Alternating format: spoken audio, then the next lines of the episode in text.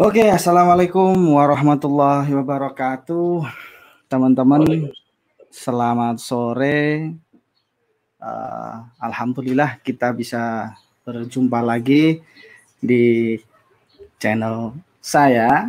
Kali ini akan kita akan membicarakan yang asik-asik ya, uh, bersama tamu yang tak kalah asik juga saya datangkan jauh-jauh dari lereng gunung nantinya. Oke, uh, eh, bicara tentang yang saat ini lagi hot-hotnya, yaitu tentang RUU, tentang komunis, tentang COVID, tentang pandemi yang enggak kapan berakhirnya nggak tahu, kemudian resesi ekonomi. Nah, ini akan menghadirkan salah satu sosok yang sebenarnya itu uh, ahli yang aku bicarain semuanya tadi. Kalau ngomong apa namanya uh, ideologi geopolitik ya itu beliau ini juga ahlinya. Kalau mau ngomongin tentang ekonomi itu juga studi beliau juga ada yang seperti itu ya tentang industri, tentang ekonomi makro dan sebagainya. Kemudian kalau tentang kesehatan dan sebagainya, tentang pandemi dan sebagainya juga beliau juga cukup sehat dan nggak mau sakit, jadinya tetap tetap memperhati, memperhatikan ya apa namanya eh, berita-berita ini dan dalam jangan lupa dari aspek politiknya juga. Beliau ini diam-diam juga selalu mengamati dalam kejauhan hiruk pikuk uh, perpolitikan yang saat ini mungkin lagi ya cukup sedikit-sedikit panas lah ya. Oke, uh, tak menunggu lama lagi saya hadirkan seorang uh, akademisi ya, seorang pengamat ya dan seorang guru saya yang saya sangat hormati sekali. Kita panggilkan Pak Singge Saptadi. Iya, Sugeng Sonten, Pak Singge. Ya, Assalamualaikum. Waalaikumsalam warahmatullahi wabarakatuh. Alhamdulillah. Wah, ya. kelihatannya nyantai ya. Ya, ya. ya.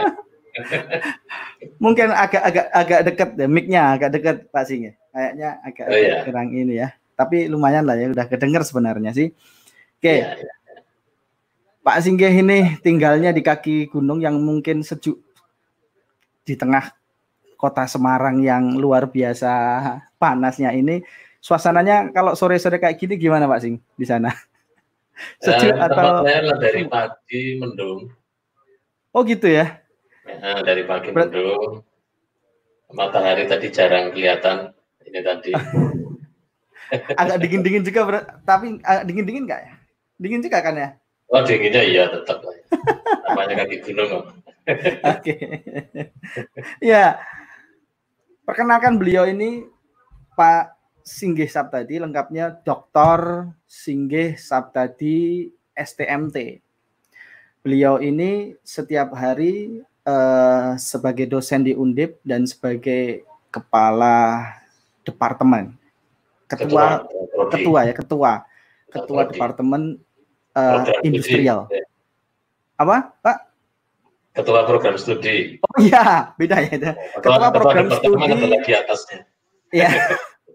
ketua program studi Industrial Engineering atau uh, Teknik Industri Universitas Diponegoro. Nah, beliau ini salah satu walaupun ngajarnya di Undip tapi loyalis ITB ya, karena dari S1 sampai S3-nya beliau itu tidak pernah ke lain hati, selalu nggak tahu ini ada apa, kenapa kok apa namanya tidak mengambil dari kampus lain atau biar uh, menganut aspek apa namanya sebelum ilmu nintek disedot orang ngalih-ngalih ulu sak derunge kita entek ijazah karena mungkin maling mentok S3 ya, nggak ada S4 lagi di STP mungkin ke sana. Kenapa sih Pak Sing kok di tengah ini ya beberapa isu-isu ITB yang saat ini mungkin agak melenceng dari apa ya karakteristik ITB yang uh, terkesan kalau dulu oposan kalau sekarang ya agak-agak gitu di luar itu kenapa kok milih ITB terus itu? Saya juga bertanya-tanya itu. ya. ya, jadi karena kan saya itu di teknik industri ya. Jadi teknik industri itu yang ada pertama kali di Indonesia dan yang membawa itu adalah Profesor Matias Aruf. Ya. Jadi beliau juga uh, saya sempat berguru sama beliau mata kuliahnya akuntansi biaya Nah, kemudian murid-muridnya juga ada di sana, ya, yang menjadi guru-guru saya juga. Gitu. Nah, jadi dari sisi kemurnian mungkin ini darah murni untuk teknik industri. Oh. jadi kalau sanat, sanat pertama murni. ya, sanat pertama di Indonesia itu ITB ya, teknik industri itu. Ya, jadi Profesor Mata Saruf uh, boleh disebut lah ya sebagai bapak teknik industri di Indonesia. Gitu.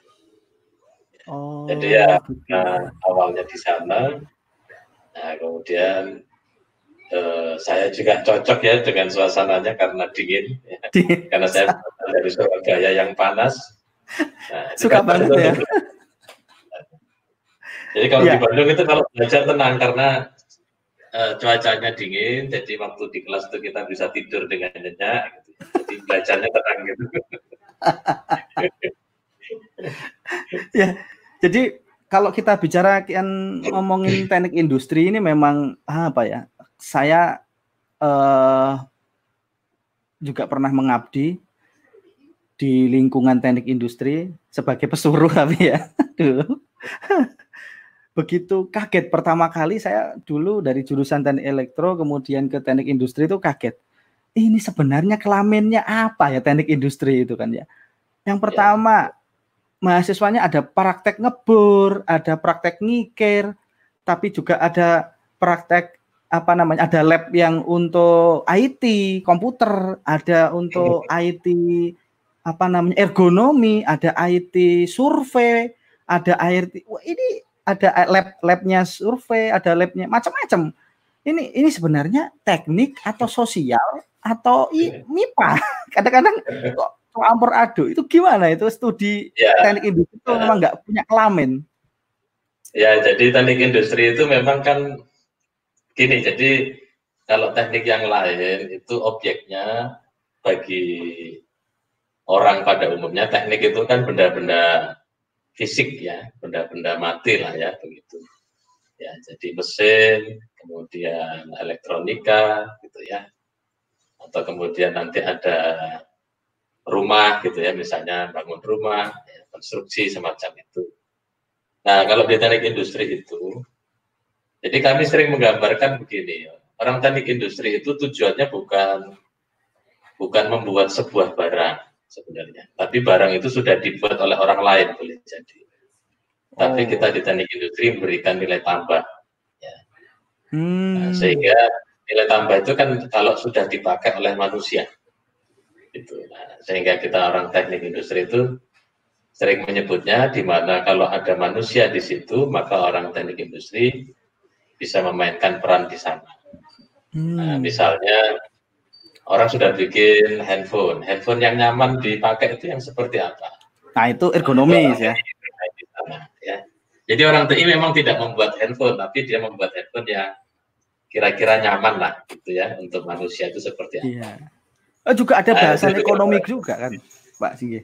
Ya, ya. Jadi memang pilarnya begitu. Pilar tadi industri itu ada uh, manajemen, ada kemudian ekonominya, begitu ya. Ilmu manajemen dipelajari, ilmu ekonomi dipelajari, ilmu teknik dipelajari, gitu ya. Kemudian karena berkaitan dengan manusia, sifat-sifat fisik manusia dan sifat-sifat psikisnya ya, psikologinya yeah. juga dipelajari.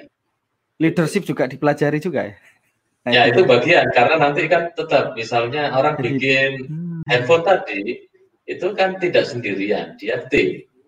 Yes. Ya, sehingga butuhkan orang yang bisa mengatur tim tadi itu. Ya, ya, ya. ya. ya jadi kalau saya sering ini kan tadi ya, kalau ada sesuatu di mana di situ manusia sudah terlibat ya berarti teknik industri bisa main di sana gitu. Ya. ya makanya tadi seperti Kopi sampaikan tadi itu. ya.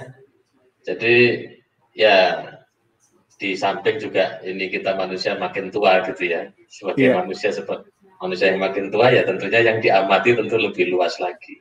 Iya itu ya. Ada ada inilah ya ada semacam kesadaran bahwa uh, kita itu tidak hanya berkontribusi dalam hal-hal yang sifatnya uh, apa namanya parsial ya, tapi kita ingin berkontribusi yeah. bagi masyarakat juga. Tapi memang tercenderung kesannya nah, generalis gitu ya. Iya. Ah ya, bukan bukan generalis tapi um, orang punya kesadaran bahwa misalnya begini, kalau saya dulu seperti Lekompi juga tahu lah ya, misalnya di lab itu kita ngajarkan tentang bagaimana memanfaatkan internet, gitu kan? Yes. Ya, nah, itu kita pelajari begitu. Tapi kemudian apa itu yang sudah kita pelajari ya gunanya buat masyarakat? Nah, kita mulai mikir ke sana kan? Iya. Yeah. Nah, kemudian oh ya kita perlu berikan pelatihan Nah, pelatihan yang seperti apa? Kerjasama ya. dengan siapa? Kan begitu. Nanti setelah itu berkembang lagi peng, apa pengalaman kita. Oh, ya ternyata pelatihan untuk UKM itu tidak bisa dilakukan oleh kampus sendiri. Ya, butuh hmm. dukungan dari pemerintah misalnya. Nah, jadi nanti kita nyambung-nyambung itu dengan kebijakan pemerintah segala macam. ya, karena hidup kita itu udah close, tidak pada satu sistem yang tertutup ya. Sistem kita terbuka gitu. Oke ini apa namanya di kembali ke kampus lagi ini. Saat ini proses belajar mengajarnya di semester awal ini, semester baru ini, ini gimana Pak? Apa yeah. tetap masuk yang semester baru ya? Apa juga masuk atau gimana? Hmm. Jadi sekarang memang kalau dari kalau di Undip di Universitas Ponegoro itu semester baru nanti ini mulainya per Agustus kalau menurut kalender. Ya, eh, menurut kalender akademik itu per 24 Agustus di Mulai itu nanti akan dilakukan kuliahnya secara daring ya, ya secara online begitu. Ya, jadi mengingat yang namanya pandemi ini belum tuntas ya, apalagi berapa hari yang lalu sekitar tanggal berapa itu? Tanggal hari Jumat atau hari Kamis kemarin ya terjadi lonjakan cukup tajam ya, ya tajam jumlah banget ya, jumlah positif. Jadi dengan melihat kondisi itu ya memang ya, untuk mengurangi risiko tertular ya kuliah itu tetap dilaksanakan secara online. Apalagi ya. mahasiswa itu ke Indonesia itu. Ada risikonya ada perbedaan apa yang menonjol dari kurikulum ketika pengajaran jarak jauh ya sama sehari-hari ini enggak. Yang jelas kan enggak ada praktikum. Padahal saya lihat anak-anak teknik industri itu sama praktikum hobi banget. Gimana praktikumnya jarak-jarak online ya? Kalau praktikum anu deh, praktikumnya sementara ini yang sifatnya harus hadir di kampus praktikumnya itu kita tunda dulu pelaksanaannya. Jadi yang semester depan ini kemungkinan kita akan tunda dulu karena memang kondisinya belum memungkinkan. Ya, jadi praktikumnya nanti di semester berikutnya, itunya. Jadi lah namanya COVID. Gitu ya. Jadi tetap menyesuaikan dan uh, apa sih yang ini? Kalau dalam pandangan uh, kacamata teknik industri melihat COVID ini dari segi industri ya, industri secara global itu itu itu. Karena kan banyak sekali yang tumbang ya, apalagi eh, apa ya, apa namanya perusahaan-perusahaan MNC ya, misalnya yang kemarin Pizza Hut ya, beberapa salah satu terbesar franchiser terbesarnya itu tumbang gitu kan ya. Ya. Pizza Hut, kemudian KFC ya, dan di Indonesia sendiri ada sekitar 2,5 jutaan eh, apa namanya eh, karyawan yang telah di PHK. Ini gimana kaitannya COVID, pandemi, sama industri yang begitu apa namanya eh, sangat berpengaruh. Ya. Pripun Pak? Ya gini loh, di masa pandemi ini kan satu, yang pertama yang paling jelas karena penularannya kan sudah terjadi manusia ke manusia kan. Jadi interaksi manusia dikurangi. Ya, interaksi manusia dikurangi, kemudian kalau interaksi manusia dikurangi berarti kan perpindahan manusia itu juga berkurang. Ya, misalnya loh seperti saya ini kan sudah nggak ngantor dari maksudnya dari sisi tidak berangkat ke kantor untuk bekerja. Ya, eh, bahkan dibatasi kan kalau menurut eh, rektor undip itu kita ada surat edaran itu dibatasi. Maksimum bekerja dari kantor itu adalah tiga hari gitu ya. Nah dengan jumlah ini meningkat ini misalnya hari ini eh, kemarin ya ada info supaya edaran untuk mencegah lagi melarang masyarakat untuk berkumpul. Ya, di Kabupaten Semarang juga ada. Artinya kan pergerakan orang berkurang kalau pergerakan orang berkurang berarti jelas kebutuhannya berkurang. Ya. Kebutuhan untuk bensin berkurang. Ya. Kebutuhan untuk menggunakan fasilitas umum berkurang. Ya. ya contoh saja kampus itu kan ruangannya nggak kepake itu. Ya. Di Unicin gitu. Terus uh, misalnya kemarin juga begitu ya, seperti lebaran. Orang misalnya karena permintaan berkurang, industri kemudian kan juga uh, utilisasi produksinya berkurang, ya, utilisasi penggunaan kapasitas produksinya berkurang, ya, karena permintaan dari luar berkurang, otomatis kemudian orang dirumahkan. Hmm. Itu kalau yang masih dirumahkan, masih dapat gaji, yang kena PHK, berarti dia konsumsinya akan turun juga kan, belanjanya akan turun. Ya. Dirumahkan sama PHK ini bedanya apa? Karena kalau uh, di, di kan, kan tetap enggak di rumah kan tapi juga enggak, enggak gajian, tapi statusnya tetap karyawan. Ya, jadi seperti di rumah kan itu masih ada yang digaji 25 oh, gitu persen, ya? yang 50 persen gitu ya. Statusnya masih sebagai karyawan. Kalau ada pekerjaan dia dipanggil. Gitu. Tapi kalau yang PHK kan ya putus kontrak kan statusnya. Nah, orang-orang semacam ini kan konsumsinya berkurang.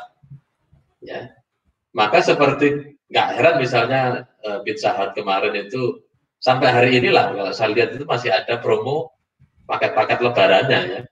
Itu saya masih membaca paket-paket lebarannya masih dipromokan itu. Artinya yang seharusnya habis di lebaran kemarin, Ramadan kemarin, sampai sekarang masih ada. Yang sekitar satu hmm. setengah bulan ya, atau dua bulan ini. Iya, iya, iya. Itu obral-obralan, itu ngejar omset. Luar biasa sebenarnya. Bukan ngejar omset, yang ngabisin stok. Oh, ngabisin stok iya, bukan kejar omset. Kalau omset berarti dia merangsang permintaan kan gitu. Nah, kalau ini, kan ini Iya, kalau industri yang tidak bisa nyetok misalnya Pizza Hut misalnya, itu kan sekali fresh jadi kemudian langsung dijual kan ya. Nah, kalau, untuk kalau dia kan itu setelah setelah di ini setelah ada order, artinya dia persediaannya kan tidak dari mentah sama sekali. Bantalannya yeah. mungkin sudah punya karena yang yang kita lihat kan ada misalnya yang yang kemarin viral kan ya, ada apa uh, yang jualan di pinggir-pinggir jalan ya, misalnya Indo, uh, Pizza Hut itu jualan di pinggir jalan dan lain sebagainya. Iya. Ini kan uh, apalagi kalau enggak uh, nututi omset karena mereka ada uh, cost ya, ya ada cost yang fix cost misalnya gaji karyawan, kemudian operasional. Nah, ini dan di antaranya kan pandemi ini kan orang-orang malas tidak boleh keluar rumah bahkan tidak boleh berkerumpul di warung-warung pizza hutnya otomatis ya. pendapatan berkurang omset berkurang nah tapi eh, apa namanya ininya eh, pengeluaran harus nah ya. genjot genjot ini kan ya genjot, genjot harus genjot ini ya harus genjot ya. omsetnya mungkin ya, ini agak didekatkan Pak Sige bahasa perspektifnya jualan mungkin adalah mengejar omset ya. Tapi kan Maaf, sebenarnya mic-nya, mic mic-nya agak oh. di dekat ada komentar kurang jelas kayaknya kaitannya. Oh ya. Oh ya. Atau tak matikan dulu ini sebentar. pakai. Mic mic-nya oh nggak bisa ya. Cek cek coba coba cek cek. Ya. Nah kalau gini gimana? Ah ini lebih enak ini. ya. ya coba cek cek. Iya. Ya, cek ya. Udah enak ya teman-teman ya. Ya. Oke oke oke, siap siap. Hmm. Ya, memang kalau dalam bahasa orang jualan mungkin itu bahasanya ngejar omset ya. ya. Tapi kalau melihat lebih pada ya itu sudah punya stok yang lama gitu loh. Ya, hmm. Artinya produk yang dia siapkan untuk stok yang lama itu ternyata nggak laku-laku. Nanti kan ya. ada ada luar sana. Ya. Hmm, hmm, hmm. Nah, jadi kalau ditarik lebih ke belakangnya, ke dalamnya gitu ya, ke dalam pabriknya gitu ya, atau dapurnya itu ya dari si stoknya itu. Dia sudah stok hmm. yang kemudian. Oke oke oke. Ada ya. penurunan. Ya. Sebenarnya bukan hanya warung, bukannya kuliner ya, tapi yang paling parah juga apa namanya uh, eh, IO penyelenggara yang biasanya workshop misalnya workshop workshop yang biasa Pak Singgen setiap bulan tuh harus apa namanya biasanya ada di hotel-hotel uh, ketemu klien dengan BUMN dengan apa namanya uh, pihak industri juga banyak yang workshop ya sebagainya. Nah, pasti juga terdampak. Banyak juga yang terdampak. Oke, kalau Pak Sige misalnya dapat gaji bulanan PNS ya ongkang-ongkang yeah. di rumah dapat. Tapi yeah. ada efeknya. Nah, kita panggil ini yang juga kena efek ini ya. Ya, ya, ya. Karena COVID, kemudian uh, proyek-proyek kelas ya, proyek-proyek workshopnya juga berkurang. ini kita sambut untuk datang juga ini. Nah, ini solusinya apa? Ini mungkin banyak juga yang kayak gini, yang gara-gara COVID, gak hotel-hotel sepi, nggak ada proyek kayak gitu. Oke, okay. kita sambut Oh, Pak Yoga. Pak Yoga ini adalah salah satu instruktur dari timnya kita juga. Kita Pak Sige, saya, Mas Yoga biasanya juga kalau dulu itu uh, Simatupang siang malam tunggu panggilannya Pak Singge untuk ngisi workshop ya di BUMN. Ya. Klien kita dari BUMN, kemudian eh, perusahaan-perusahaan level nasional dan sebagainya, bahkan juga perusahaan luar negeri juga, MNC juga kan ya. gitu. Nah, Pak Yoga ini full ngajar ya, karena beliau ini uh, passionnya memang kayak gitu, passion kalau suruh ngajar itu seneng banget, ya. Tidak dibayar juga nggak apa-apa, dibayar telat juga nggak apa-apa. Kesibukannya sekarang apa Pak Yoga? Kalau dulu itu sering dari masih hotel ke hotel. Masih ngajar-ngajar dia. Oh gitu ya, online tapi ya. Nah ya, ini ini masih, ada shifting, ada shifting. Ya, tapi nggak bisa ngopi, nggak bisa ini juga ya. Ah, ah, silakan, silakan. Gimana nih pendapatnya Pak Yoga? Ya, alhamdulillah memang ya di apa itu pandemi dalam pandemi COVID ini ya otomatis menurun lah itu kan job ngajar. job ya itu kan mulai bulan bulan apa itu? Bulan Maret gitu kan. Bulan Maret itu sudah mulai apa itu namanya? Ya hotel-hotel kan tutup kan otomatis hotel iya, tutup tahu lah ya, transportasi ya. tadi juga tutup ya akhirnya apa? Ya orang juga terbatas kan terbatas. Iya. tapi ya solusi itu ternyata masih ada kan. Jadi masih Di, banyak juga pivot ya, yang, ya ada pivot ke online. Jadi ya masih juga yang menggunakan terobosan ya lewat jalur online lah gitu kan. Walaupun ya memang iya uh, tidak sebanyak yang ada dulu gitu kan. lumayan lumayan eh, ter berefek kepada ah. isi rekening lah ya. ya kita harus kreatif lah intinya kan. Ya gitu ya. nah, beliau Pak Yoga ini ahli di manajemen project ya. Beliau biasanya ngisi workshop, training, manajemen project, kemudian di apa namanya segi efektivitas uh, uh, Excel ya, Excel for Office ya. Yeah. Untuk orang-orang itu seperti apa. Nah, beliau ahli sekali ya. Kalau apa namanya uh, kliennya sudah uh, ya puluhan perusahaan lah ya seperti itu. Setiap ini pasti ada. Oke, makasih atas uh, hadir di undangan ngeteh sore ini Mas Yoga ya. ya Insya Allah kasih, semoga Kombi, semoga pandeminya uh, ber pergi secepat mungkin sehingga uh, proyek-proyek hotel ke hotel Simatupangnya terus uh, apa namanya kembali lagi seperti dulu. Oke, selamat sore. Oke, kembali lagi ke Pak Singgeh ini ya. Ada beberapa ya banyak yang memang apa namanya uh, berefek tadi udah sama Pak Yoga ya. Industri-industri apa aja sih yang berefek ya? Kuliner kemudian traveling ya. Kemudian ya. workshop-workshop seperti itu. Banyak sekali hotel juga yang juga.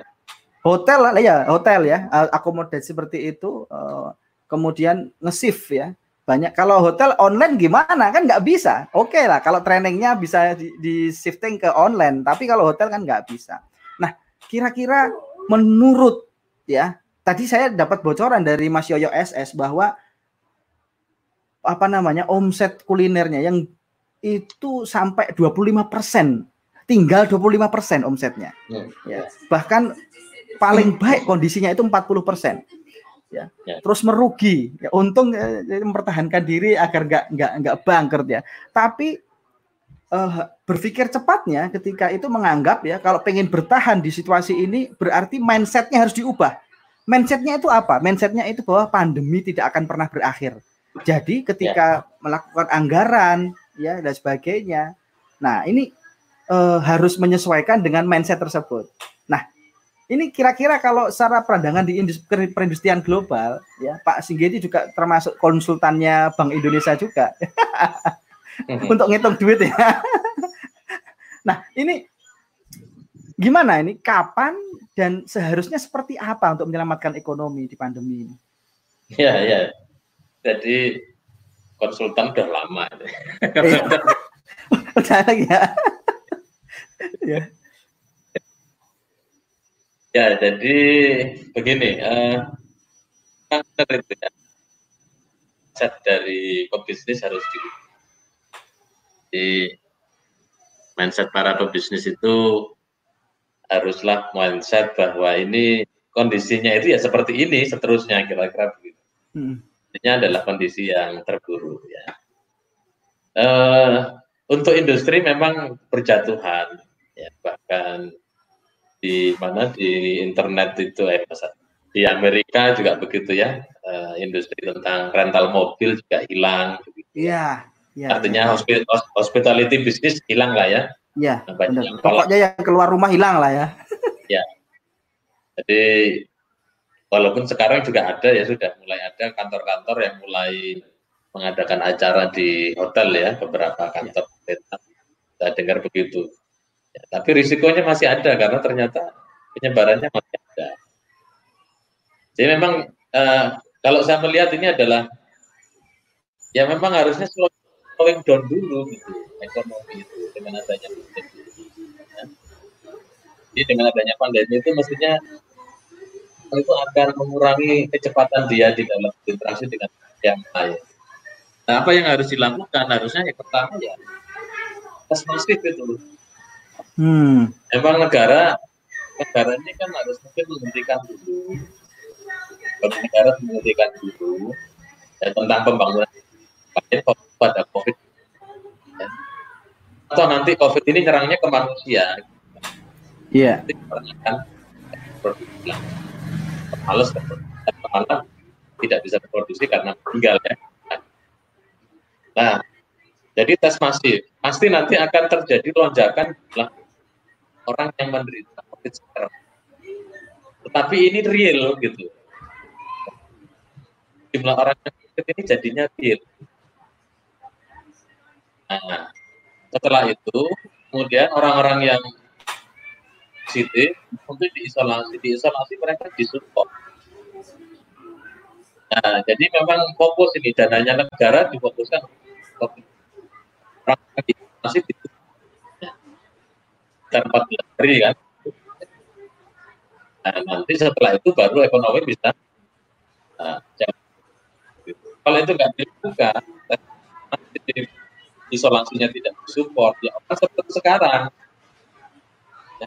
okay. edukasinya kan telat ini saya bisa mengatakan begitu iya uh, kalau sekarang kan kita lihat uh, apa namanya uh, antara pemerintah dan pusat ini kok saya lihat itu di apa namanya uh, wali kota wali kota atau gubernur gubernur itu kok kayak semacam raja-raja kecil di daerahnya yang kalau ya. misalnya sistem komando misalnya, presiden pengen apa, menteri pengen apa, ini semuanya jalan sendiri-sendiri, gitu kan ya? ya. Kita lihat misalnya antara gubernur sama wali kota yang pada baper-baperan kemarin itu kan yang viral sujud-sujudan itu kan ya. juga sang padahal itu kalau misalnya secara hierarki manajemen kepemimpinan ya, struktur kepemimpinan itu kan harusnya uh, gubernur itu di atas wali kota sehingga kebijakan gubernur itu juga menyentuh wali kota.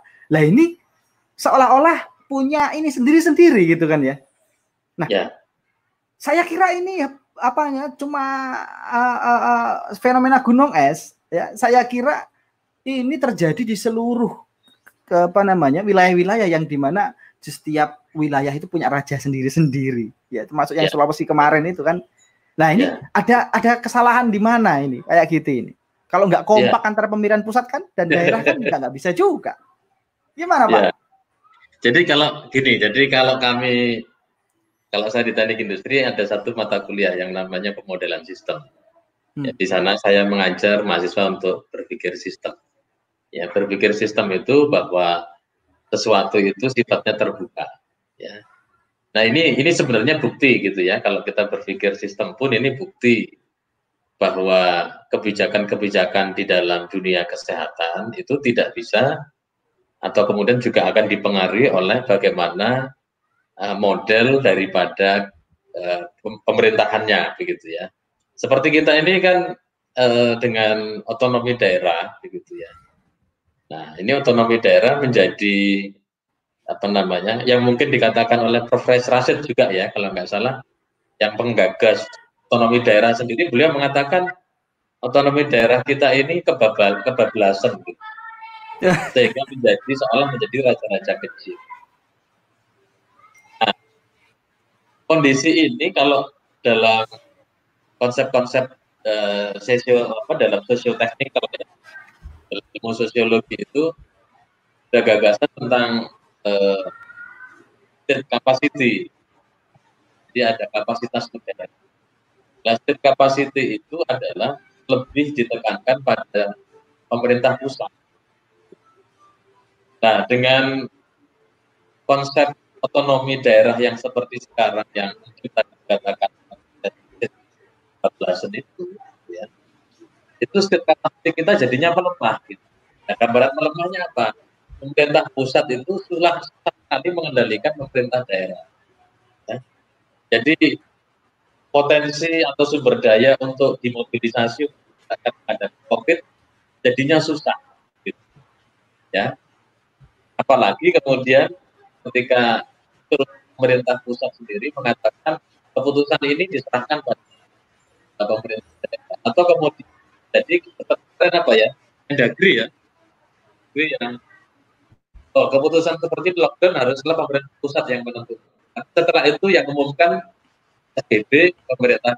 Nah ini jadinya problem. Tidak ketat koordinasinya dan berdampak pada Nah, aspek kesehatan berdampak aspek Nah, ini kan namanya sistem itu terbuka tadi.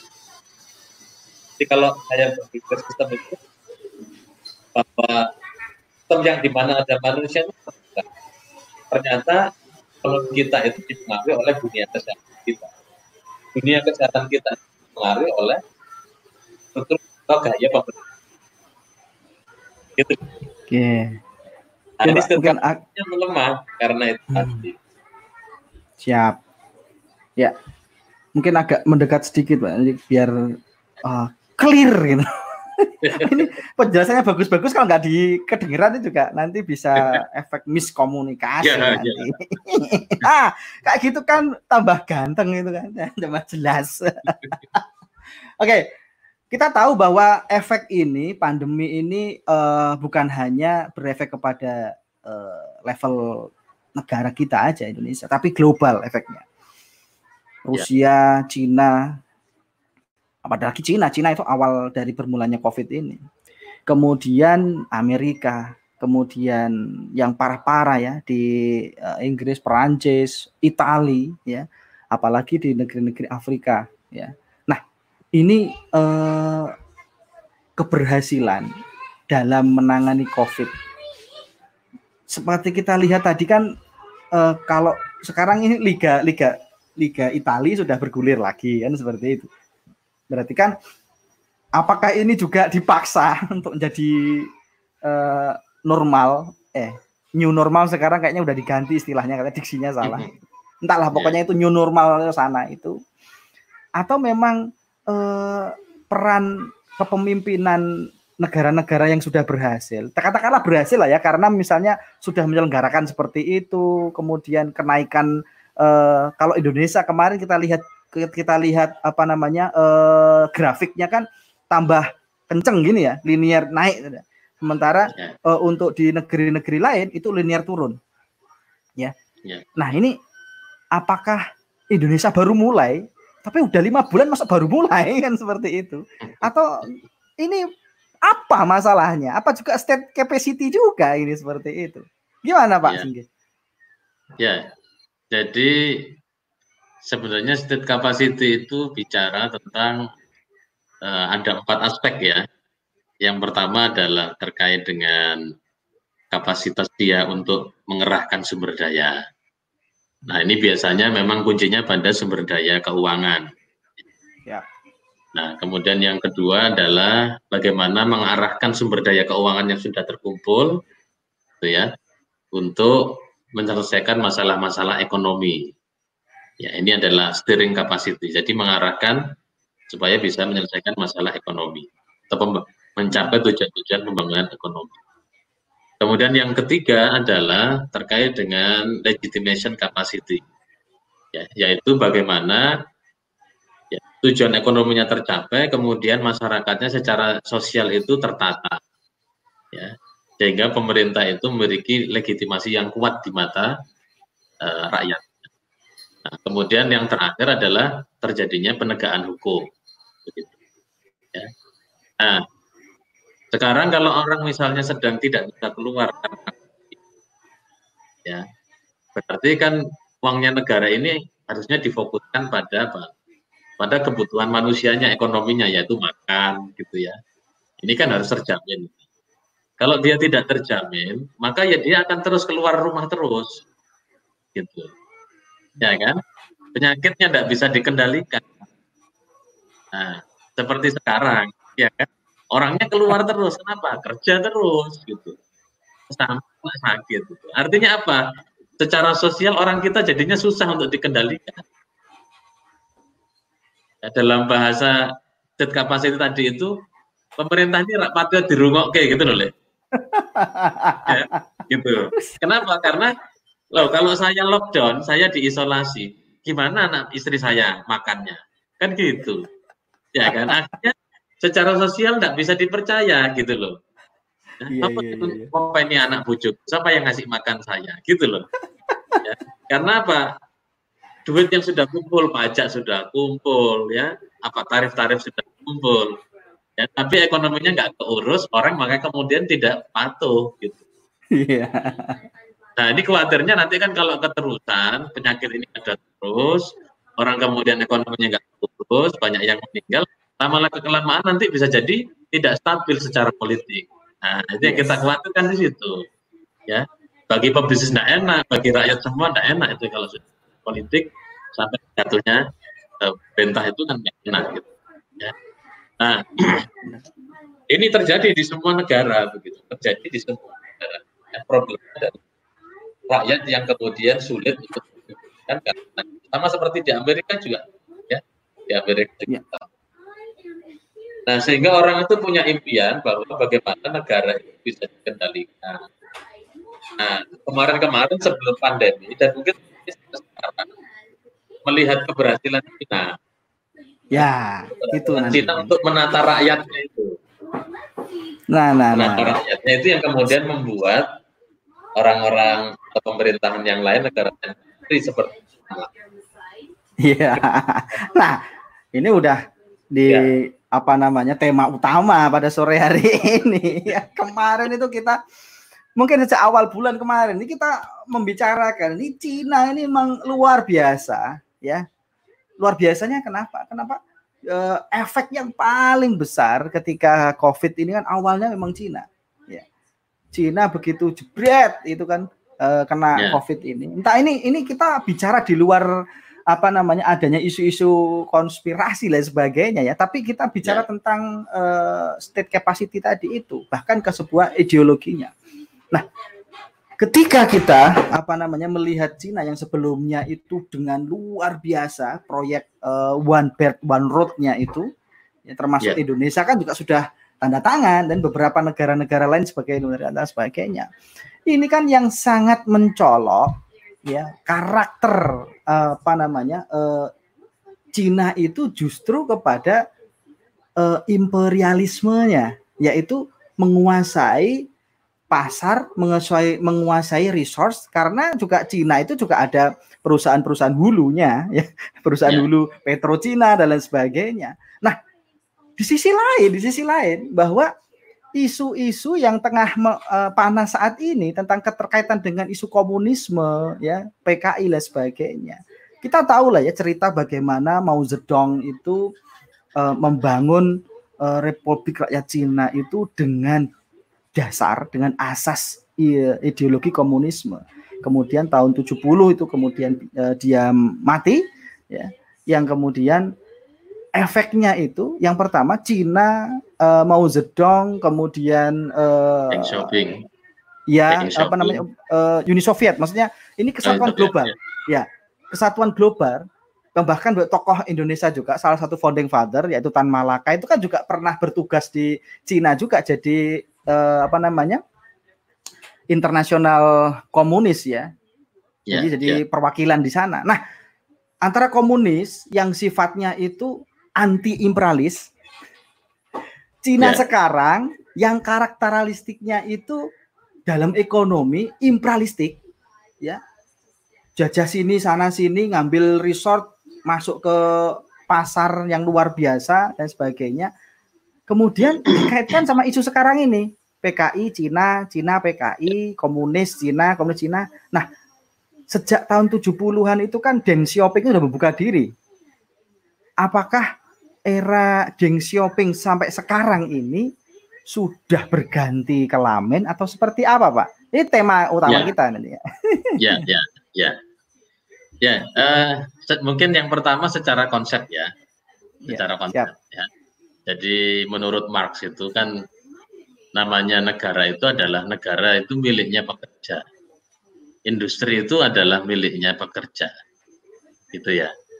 Nah, yang menarik ya. adalah Soviet ketika berdiri itu apakah negara miliknya pekerja? Begitu. Ya. Iya, iya, iya. Industri itu apakah dikelola oleh benar dikelola oleh negara? Ya dalam bahasa ini kan negara itu menjadi di mana pun lah sebenarnya negara itu menjadi sarana utama untuk menjalankan aturan kan yeah. negara itu sarana utama untuk menjalankan ideologi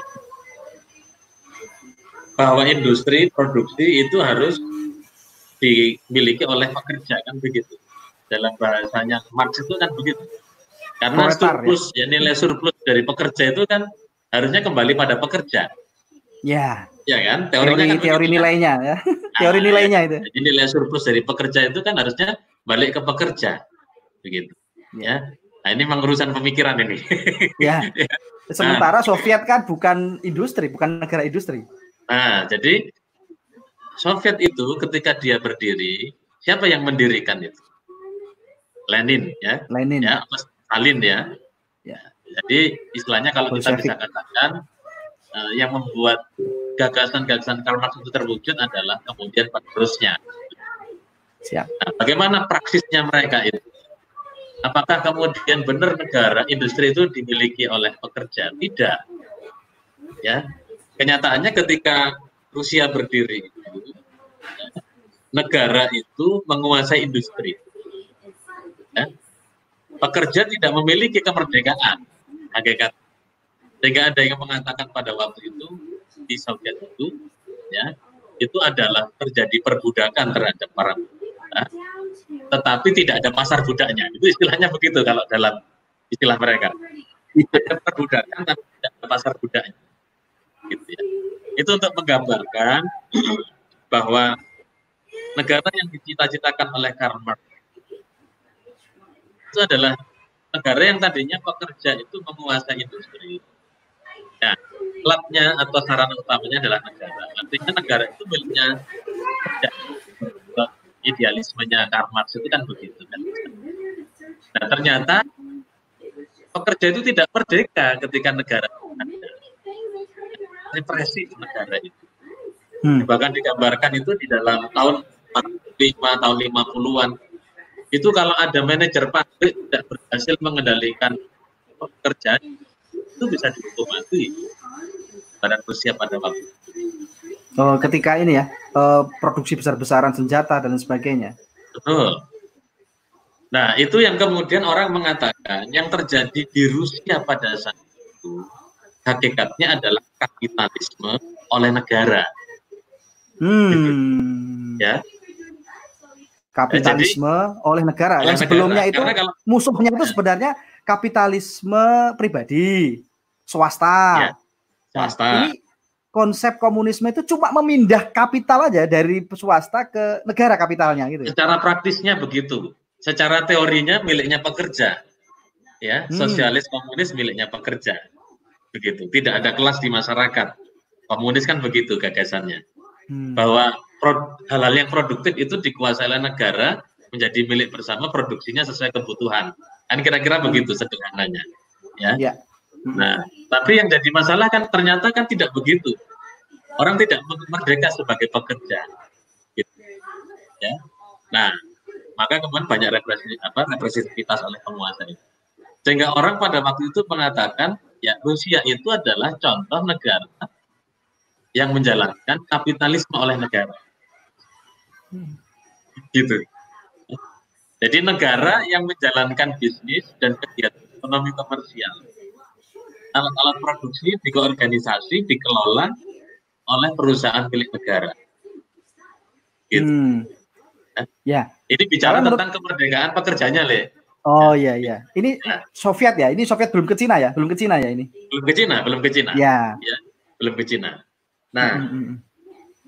kemudian eh, banyak negara lain yang kemudian menggambarkan kapitalisme negara itu ada yang kemudian oh, kapitalisme negara itu adalah eh, ekonominya kapitalisme ya jadi ekonominya kapitalisme tapi kemudian pemerintahannya sosialisme ada yang mengatakan begitu ya. nah jadi apa namanya ada yang kemudian kepemilikan oleh negara swasta yang bergerak bergerak di dalamnya. Ada macam-macam begitu. Ya. Yeah, yeah. Nah, jadi ada juga misalnya yang dikatakan oleh Noam Chomsky. Ya. Kita selama ini kan mengatakan namanya Amerika Serikat itu adalah negara yang paling murni menjalankan kapitalisme. Yeah. Ya. Paling kafah itu ya. Paling kafah. Ya. Kenapa? Karena seolah-olah negara tidak terlibat di dalam ekonomi. Ya kan? Benar-benar pasar ya. Swasta yang besar itu kan di Amerika punyanya swasta. Yeah. Betul enggak? Ya. Yeah. Tapi di Amerika sendiri ternyata ada itu BUMN yang disebut dengan government sponsored enterprises. Jadi perusahaan-perusahaan yang disponsori oleh negara. Itu ada. Ah, itu mungkin uh, sudah menganut ke Keynesian tadi yang karena kapitalisme itu juga bisa berubah-ubah menyesuaikan diri gitu ya, kan uh, Ya, jadi ini kan kita bicara bahasa teorinya gitu ya. Iya, ya. Nah, Amerika juga begitu katanya Noam Chomsky dia menjalankan state capitalism. Hmm. Nah, state capitalismnya itu adalah ketika pemerintah kemudian membail out swasta, ya, di mana swastanya adalah perusahaan-perusahaan yang besar, yang dikatakan dia itu adalah too big to fail. Hmm. Kalau dia gagal, perusahaan itu bangkrut, itu akan menyebabkan kegoncangan secara sistemik. Nah, kita seperti Bank Century waktu itu. Hmm. Yep. itu fail itu. Makanya kemudian di bail out. Nah, katanya Noam Chomsky, ini adalah contoh prakteknya Amerika dalam hal kapitalisme negara. Jadi negara itu membail out perusahaan-perusahaan besar supaya perusahaannya selamat, tapi keuntungan tidak kembali ke rakyat. Karena rakyatnya bayar pajak. Ini kritiknya ya. Noam Chomsky. Nah, ini kritiknya Noam Chomsky. Nah sekarang Cina, ya. Nah, Cina, Cina ini kapitalismenya beda. Ya. Dia punya BUMN BUMN bermain ke luar negeri, gitu ya. kemudian mencari sumber daya, minyak, emas, gitu ya. Tapi dia juga memiliki perusahaan-perusahaan swasta yang itu dibesarkan oleh negara. Contohnya Ali AliExpress ya? Nah, AliExpress, Huawei, Taobao, ya ZTE gitu ya. Iya. Ini, Tencent. Nah, ini gambaran state kapitalismenya dari Cina. Ya. Jadi kalau kita membaca banyak literatur itu mengungkapkan state kapitalisme itu macam-macam. Ya. Yang hakikatnya adalah ya tadilah dasarnya adalah kapitalisme. Nah, nah sekarang kalau terkait dengan Cina ini memang super negaranya luar biasa karena Cina memiliki surplus eh, apa namanya cadangan devisa apa cash ya cadangan devisa yang cash itu dia luar biasa lebih besar dari Amerika luar biasa besarnya beri sehingga dia banyak memberikan eh, apa namanya eh, subsidi ya. Yeah. pada industri. Sehingga industrinya produknya murah itu kan karena itu ya? Betul. Ya. Kita bisa bayangkan ya ongkos kirim misalnya saya beli apa uh, case ya case-nya case, ya. tablet ini gitu ya. Ini ongkos kirimnya nol. Ya walaupun ya. sebulan ya datangnya tapi gratis iya, memang ya iya. Uh, ini datang kira-kira kalau nggak salah sekitar 7 atau 8 hari wow karena memang pengirimannya itu memang mungkin di benar-benar disubsidi oleh negara ya gratis semua pengiriman itu kan tapi tetap tidak eksklusif ada ya. ada masanya gitu. Hmm. Ya, tetap begitu ya. Ternyata masuk ke Indonesia saya lihat itu kemudian mitranya adalah JN. Ya, oh gitu ya. Nah, jadi itu gambaran Cina begitu. Kamu disebut Cina negara komunis atau negara kapitalis? Nah itu, kalau kita ada pertanyaan, oke okay lah ketika era Mao ya itu komunis lah ya. Tapi semenjak eh, Deng Xiaoping yang kemudian sebelumnya itu justru terbukti ya, eranya Mao Zedong itu bukan memeratakan kesejahteraan tapi memeratakan kemiskinan seantero yeah. Cina miskin semua. Kemudian Deng Xiaoping ini harus bertindak ini ya. Yang kemudian ketika dia berkuasa kemudian membuka diri mengundang uh, Presiden Amerika dulu siapa ya waktu itu ya? Uh, uh, Roosevelt ya. Siapa? untuk berkunjung ke ke, ke uh, Cina memulai mungkin sejarah baru di Cina. Apakah semenjak Deng Xiaoping ini sudah resmi Cina meninggalkan kepada komunisme menuju kapitalisme ya. atau seperti apa? Karena kan sampai sekarang juga partai komunis di Cina itu masih ada. Ya. Jadi Cina itu Cina itu tidak mau disebut sebagai negara komunis. Oh gitu ya? Ya. Gak, gak mau juga sebenarnya, tapi gak ada partai komunisnya. Komunis. Ya. Secara UUD-nya dia itu adalah sosialis. Hmm. Gitu ya. ya. ya, ya. Sosialis gitu. Nah, kalau dia sosialis maka ya jangan berharap melihat konsep Marx itu secara murni ada di Cina. Ya, sosialis banyak nah, mazhabnya. Ya. Nah, jadi kelas pekerja itu tetap tidak akan bisa merdeka mengendalikan negara, dan bisa. Hmm. Nah, jadi Nah, sekarang siapa yang menamakan dia sebagai negara komunis? Ya kita kita ini. ya. Ya. Nah, ini kan berarti kata siapa Cina komunis? Kata siapa Cina komunis? Jawabannya apa? Kita berarti ya. ya kita, kita ini. Ya. Jadi literatur yang berkembang dan masuk ke kita itu adalah literatur-literatur Barat yang menyebut ini adalah blok komunis, ini adalah blok barat kan begitu blok timur blok barat nah tapi ketika blok timur ada itu kan Cina ini seperti tidak mau bergabung dengan Soviet gitu oh, kan ya, ya. ya hmm. dia memiliki uh, sosialisme sendiri lah gitu kalau dia mengatakan hmm. secara UUD-nya dia tidak menyebut dirinya sebagai negara komunis tapi partai yang berkuasa memang partai komunis jangan keliru ya, ya. jadi jadi partai komunis Cina. Partai tunggal ya. Sebagai negara komunis. Dia negara sosialis gitu. Jadi dia merasa berhak bagaimana dia mensejahterakan rakyat. Jadi begini, uh, mungkin pada waktu itu Deng Xiaoping itu melihat bahwa masa depan Cina atau masa depan negara-negara yang kita sebut negara itu akan gagal di hadapan negara kita dan itu gambaran itu kan berhasil ketika kemudian runtuh di Nah kemudian uh, Deng Xiaoping kemudian membuat reformasi negara Cina menjadi lebih kemudian lebih terbuka ya walaupun dia tetap ya dia tetap melindungi apa yang ada di dalam negeri supaya tidak mudah gitu. Sampai sekarang pun Cina itu memiliki BUMN yang tidak dibuka ke pasar setahu sepanjang saya baca ya. Oh gitu ya? Yang saya mengikuti tidak ada BUMN Cina yang dibuka untuk menjadi uh, apa namanya TBK. Gitu. Ya. Supaya apa? Supaya namanya BUMN itu menguasai hajat hidup orang banyak. BUMN itu ibaratnya bisa menjadi kepanjangan tangan bagi pemerintah untuk bisa mengurusi rakyat itu lewat BUMN. Nah supaya kontrol pemerintah itu uh, di China itu dia bisa gitu ya. Maka BUMN itu harus tetap menjadi milik negara. Ya. Hmm. Itu alasan pentingnya kenapa BUMN itu harus menjadi milik negara itu. Karena nanti mereka itu akan mengendalikan negara ya misalnya ya kalau istilah kita bulog lah gitu ya. Bulog itu harus dapat dikendalikan oleh pemerintah. Kalau menjadi hmm. milik swasta lebih susah ya. Oke. Okay.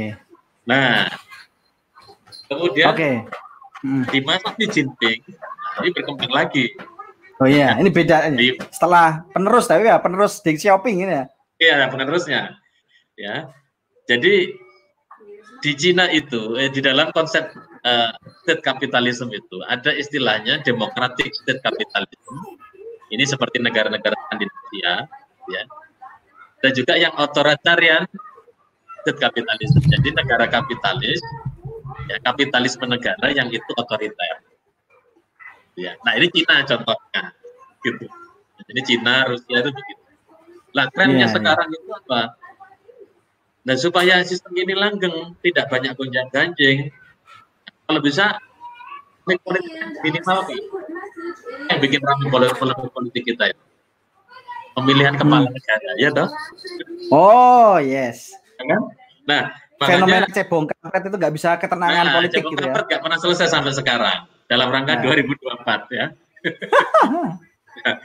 nah, saya nggak belanya artis tapi ya itu lucu saja begitu ya. Yang benar yeah. juga keliru juga.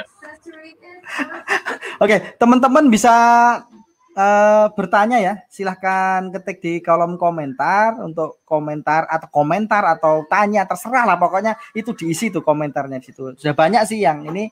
Tapi yeah. saya mau memperjelas lagi ini kelaminnya Cina. Kalau di Cina itu kan kita kenal ya sistem agrarianya itu juga pakai konsepnya Marxis kan seperti itu. Artinya konsep pertanahannya itu tidak menganut memang kalau kita bilang Cina itu kapitalis, setit dan sebagainya. Uh, karena konsep agrarianya, selain konsep kepartean tadi kan, keparteannya komunis, itu kan seperti itu. Kemudian uh, agrariannya itu juga komunis seperti itu. Yeah. Nah, ini diperbolehkan nggak? Sebenarnya ada kode etik nggak sih antar ideologi itu? oh ini ini ini punya aku enggak? Aku juga bisa pakai. Ya, namanya, namanya manusia ya kan adaptif. Oh iya. ya.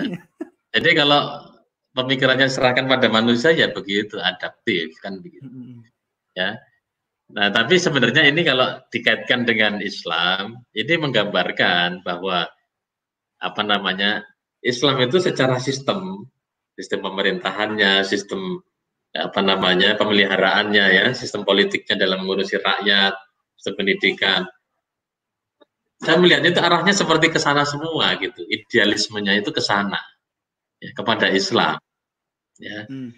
Xi Jinping yang tadi saya sampaikan itu ibaratnya dia sudah mendapatkan apa hak untuk apa namanya itu eh, menjadi presiden seumur hidup. Hmm. Gitu. Empat hari lalu coba baca berita tentang Rusia. Putin juga sama. Ya. Putin itu berkuasa nanti sampai 2024. 2024 nanti ada pilihan presiden lagi dan Putin bisa mencalonkan lagi. Nah, itu kayaknya sekali tren, Pak. Kayak di Turki itu ada Erdogan juga. Pengen semua hidup juga. Erdogan itu juga sama. Orang menyebutnya dalam literatur-literatur sebagai state capitalism juga. Oh lah iya. Ini adalah tren semua negara.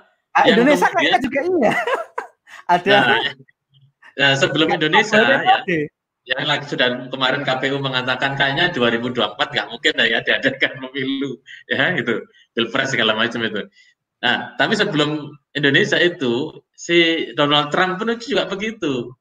Ketika di apa Putin itu sudah mulai ramai di Rusia itu tentang bagaimana Putin bisa mencalonkan lagi nanti atau berpotensi menjadi pemimpin seumur hidup itu. Itu Trump itu punya bayangan seperti itu juga gitu ya. Jadi eh, saya lupa itu kalau nggak salah sekitar tahun 2017 kalau nggak salah ada hmm. eh, ceramahnya atau ceramah atau pidatonya Pidato. Donald Trump lah gitu ya, yang dia seolah-olah memberikan selamat kepada eh, Putin itu gitu. Hmm. Ya, artinya bahwa potret kepemimpinan di berbagai negara ini itu trennya itu tadi loh kalau bisa itu panjang gitu supaya apa gonjang-ganjing politiknya ini tidak terlalu besar. Hmm. Dan kapitalisme oleh negara ini tetap, ya, tetap dipegang terus ya. Lebih lebih besar gitu. Hmm. Jadi kendali negara ini lebih besar. Nah, tadi nyambung dengan tadi yang kita bicarakan state capacity. State yeah. capacity itu adalah kuncinya pada pemerintah pusat. Nah, kalau gonjang-ganjing politiknya dikurangi, bahkan kalau bisa nol, tidak ada pergantian itu, maka apa yang terjadi? programnya akan jalan terus begitu. Hmm. Ya kan? Oke, kita tangkap ya. Kita tangkap bahwa ada tren yaitu presiden seumur hidup. ya pemimpin negara lah ya, pemimpin negara. Ya, ya entah itu namanya perdana menteri, ya. ya entah itu namanya apa pun, tapi ini ya. pemerintah negara kan ada ada juga yang double ya antara raja sama pemerintahan seperti nah, itu. Raja tidak punya kapasitas. Raja kan nggak punya kapasitas kan? Dia simbol, simbol. Yeah. Nah, yang kita bicarakan sebenarnya kan pemimpin pemerintahan, pemimpin yeah. pemerintahan, ya entah itu presiden yeah. dan sebagainya. Nah, sebenarnya kalau kenapa sih kok harus milih state capital, uh, kapitalismnya jadi tren sekarang? Tren 4.0 itu adalah state capitalism. Saya garis bawahi itu dia. Trennya seperti yeah. itu. Nah, kenapa kan nggak nggak milih ke Islam aja? Islam itu kan juga punya uh, masa jabatan yang unlimited masanya, tapi ya. dibatasi ya. Masa jabatan itu dibatasi bukan ke tahun berapa tahunnya, tapi masa jabatannya itu dilimitasi oleh kapabilitasnya. Ya. Kayak gitu kan ya? Loh. Iya. Apakah ini juga sama. akan searah dengan tren Islam juga, Pak? Loh, kalau kalau kita mempelajari literatur Islam kan begitu. Ya. Jadi trennya negara-negara di dunia itu seperti itu sekarang. Supaya hmm. apa? Kapasitas negaranya besar gitu. Bahkan boleh jadi loh nanti ya kalau bagaimana sistem ekonomi Islam? Oh ternyata kalau dilihat itu nyambung dengan state kapitalisme itu boleh jadi orang menyebutnya begitu. Oh namanya orang oh. menyebut, oh. Ya kan? ya kan? Ya. Iya juga ya. Iya. Karena apa? Iya.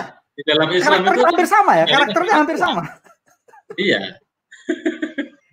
Menggabungkan kebebasan pasar, kalau Islam itu juga menjamin kebebasan pasar kan seperti itu tapi yeah. negara juga punya peran penting di situ mengendalikannya.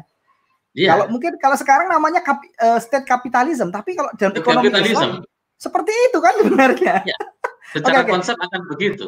Lah iya kan seperti itu. Enggak artinya kita yeah. ketika menjelaskannya itu lebih mudah mungkin ya. Oh, Islam yeah. itu kayak gitu sebenarnya, tapi cuma bedanya di sini asas-asasnya dan lain sebagainya. Oke, okay, kita yeah. kita ada yang bertanya ini, Pak. Oke, okay, ya. yeah. kita ke ke kolom pertanyaan ya. Ya disampaikan okay. aja saya enggak baca. Nah, kita baca di sini. Iya. Di, di layar monitor ada itu uh, Pak Resi Anom. Iya, gimana kabarnya Mas Anom? Adakah negara yang secara formal atau resmi nyebut dirinya negara komunis? Dalam undang-undangnya mungkin ya atau ya deklarasinya itu memang oh kita negara komunis ya, seperti itu. Ada nggak ya. Pak? Uh, saya belum mengamati yang lain ya. Saya belum hmm. mengamati hmm. yang lain. Karena Soviet pun itu kan United State uh, eh, USSR. Ya USSR itu kan Soviet sosialis ya. Ya. Soviet Sosialis Republik. Karena apa? Bagi teman-teman uh, komunisme itu sendiri, komunisme itu kan nanti puncaknya itu adalah ketika borjuisme itu. Ya. Gitu ya.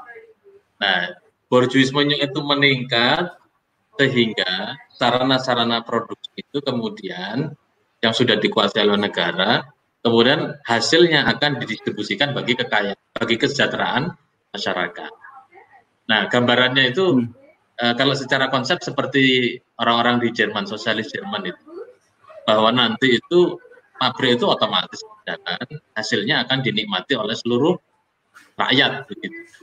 Ya, di mana apa mekanismenya apa nanti ya rakyat mungkin masih tetap bayar pajak, tetapi di situ ya sosialismenya benar-benar terasa. Nah, hmm. Itu yang kemudian mungkin gambaran bagi orang kenapa tidak negara komunis partainya partai komunis. Karena Komunis society itu bukan state. Hmm. Ya, coba kalau dibaca di dalam uh, tulisannya Friedrich Engels ya, yang mensarah tulisannya apa? Karl Marx itu. Itu ketika dia membahas tentang bourgeois, dia membahas society. Bukan kemudian bourgeois kemudian menyebut dengan komunis itu adalah komunis society bukan komunis ya mungkin okay. karena itu kita tidak tidak kita tidak menemukan sebutan dengan komunis gitu. walaupun partainya komunis oke okay. kalau kita lihat pak jadi kalau masalah ini ya define atau mendeklarasikan atau tidak ya kalau kita lihat kan um, justru negara-negara yang menamakan dirinya itu negara sosialis itu kan kemarin jatuh berguguran ya. Venezuela ya. misalnya. Venezuela itu krisisnya luar biasa. Ya. Kemudian kalau yang namakan dirinya sosialis lagi ya, eh, Vietnam. Vietnam ini justru sekarang sosialismenya itu nggak kerasa lagi.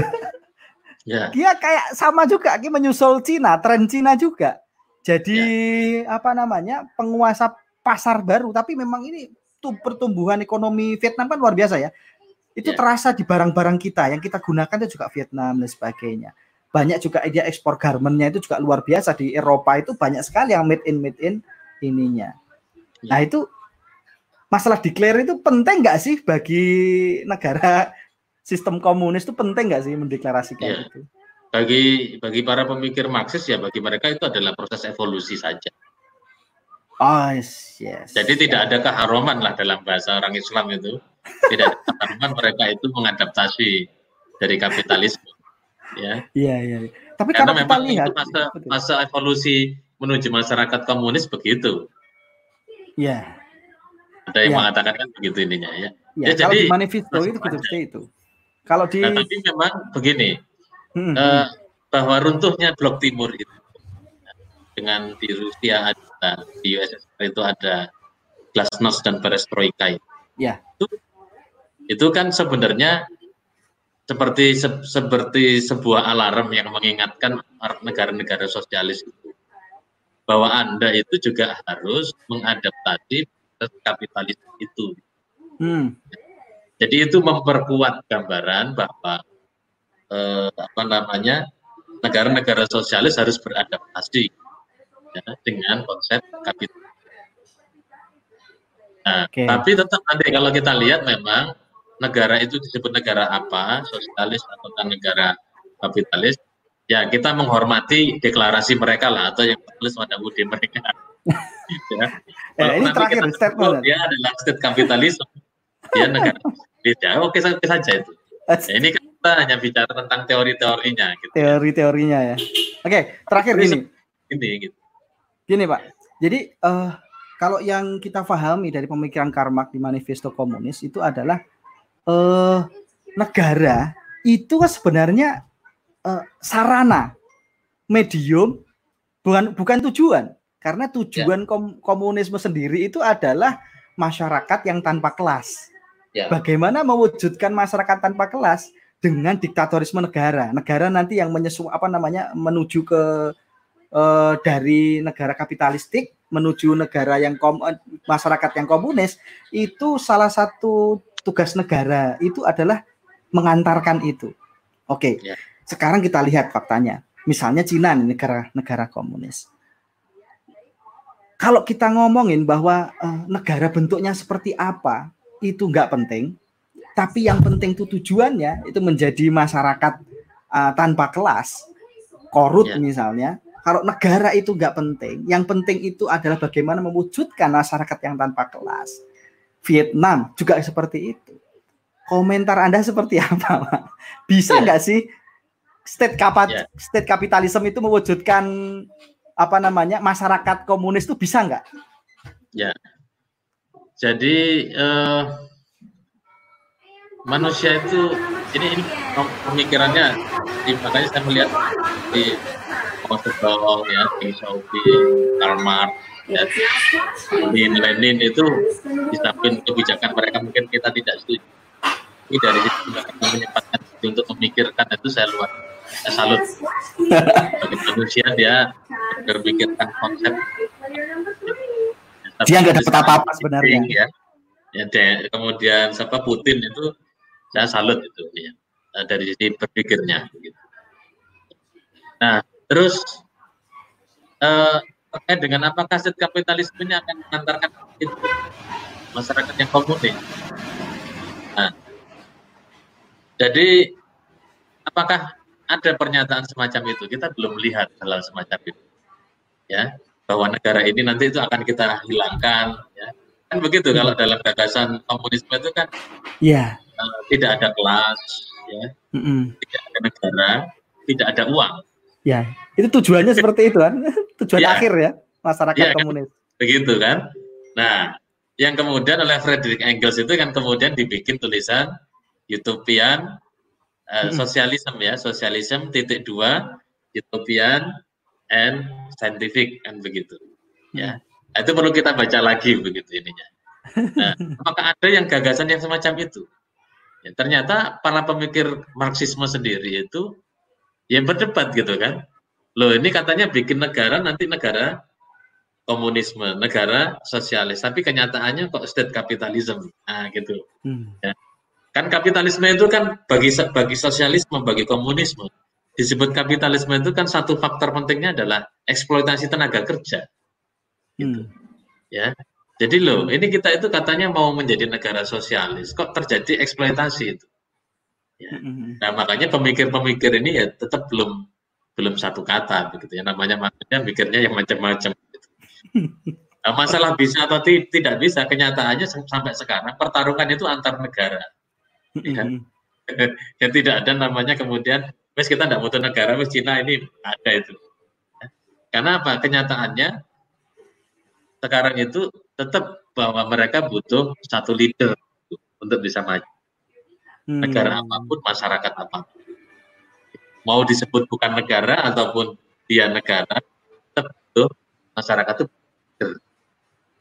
Ya. Sehingga kalau dalam pemikir-pemikir Islam kan berkatakan kepemimpinan itu wajib begitu. Hmm. Secara nas memang kemudian wajib. Tapi kalau kita baca bukunya Imam Al Mawardi kan juga ada menyampaikan ada orang yang berpendapat bahwa kepemimpinan itu adalah sesuatu yang wajib secara akal, tidak butuh hmm. dalil. Ada yang begitu kan? Hmm. Ya. Artinya apa? Kepemimpinan ini fitrah kalau ini. Orang kumpul pasti butuh pemimpin. Ya. Misalnya loh, kita makan bareng. Kemudian ini ada datang nih yang ladeni dan Tapi ada yang nyuruh di antara kita. Kayak saya makan berdua lah dengan Covid. Mau makan apa le? Iya. Order.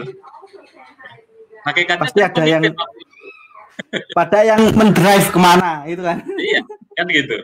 Ya, hakikatnya sama ibu. Nanti waktu bayar boleh jadi sampean yang bayar. Nah, bayar Tapi karena fitrah itulah ya. mungkin dalam Islam diatur gitu kan ya. Iya. Caranya pemimpin iya. memimpin itu seperti apa iya. dan sebagainya. Oke, ini ya, sudah jadi... mau menjelang maghrib, asik sekali. Makanya butuh part 2 ini. Ya, masih boleh. banyak sekali nih di sini ini yang belum terjawab juga. Karena gimana nih? Kita biasanya nongkrong ngobrol-ngobrol kalau di rumah terus kayak gini juga putek juga ya enggak ada teman-temannya diskusi. Oke, okay, ya, kalau jadi kita, ini ya, gimana, Pak? Kalau bicara pemikiran, memang gradasinya tidak boleh kita melihatnya ini warna hitam atau warna hijau, ya. Pemikiran ya. Tidak hmm. boleh begitu. Dalam pemikiran memang begini nih. Ya, bahkan untuk definisi kapitalisme negara atau state capitalism saja definisinya banyak gitu ya. Hmm. Oh ternyata ada yang berciri begini, ada yang berciri begini, ada yang berciri begini. Bahkan sampai-sampai yang namanya Islam pun, oh Islam juga menjadi state, state kapitalisme kan gitu. Iya, itu teorinya. Tapi memang beda karena Islam itu punya konsep sendiri yang berbeda. Artinya walaupun konsep Islam itu merupakan solusi, tapi dia adanya solusi dalam Islam itu bukan karena adanya sosialis atau kapitalis.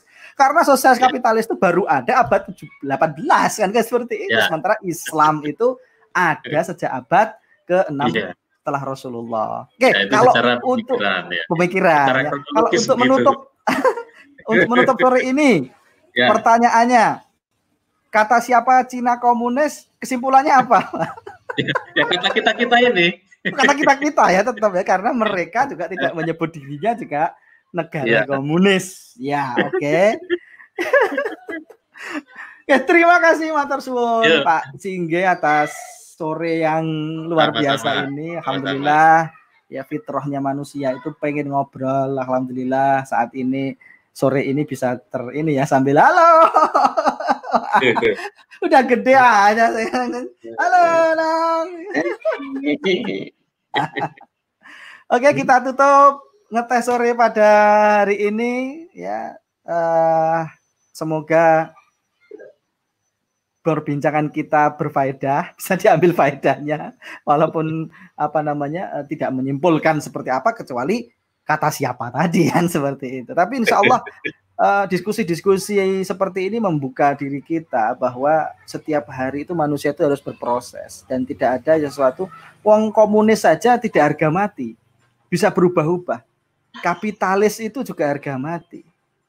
Ya makanya kemungkinan perubahan itu juga sudah yang harga mati itu sudah perubahan itu.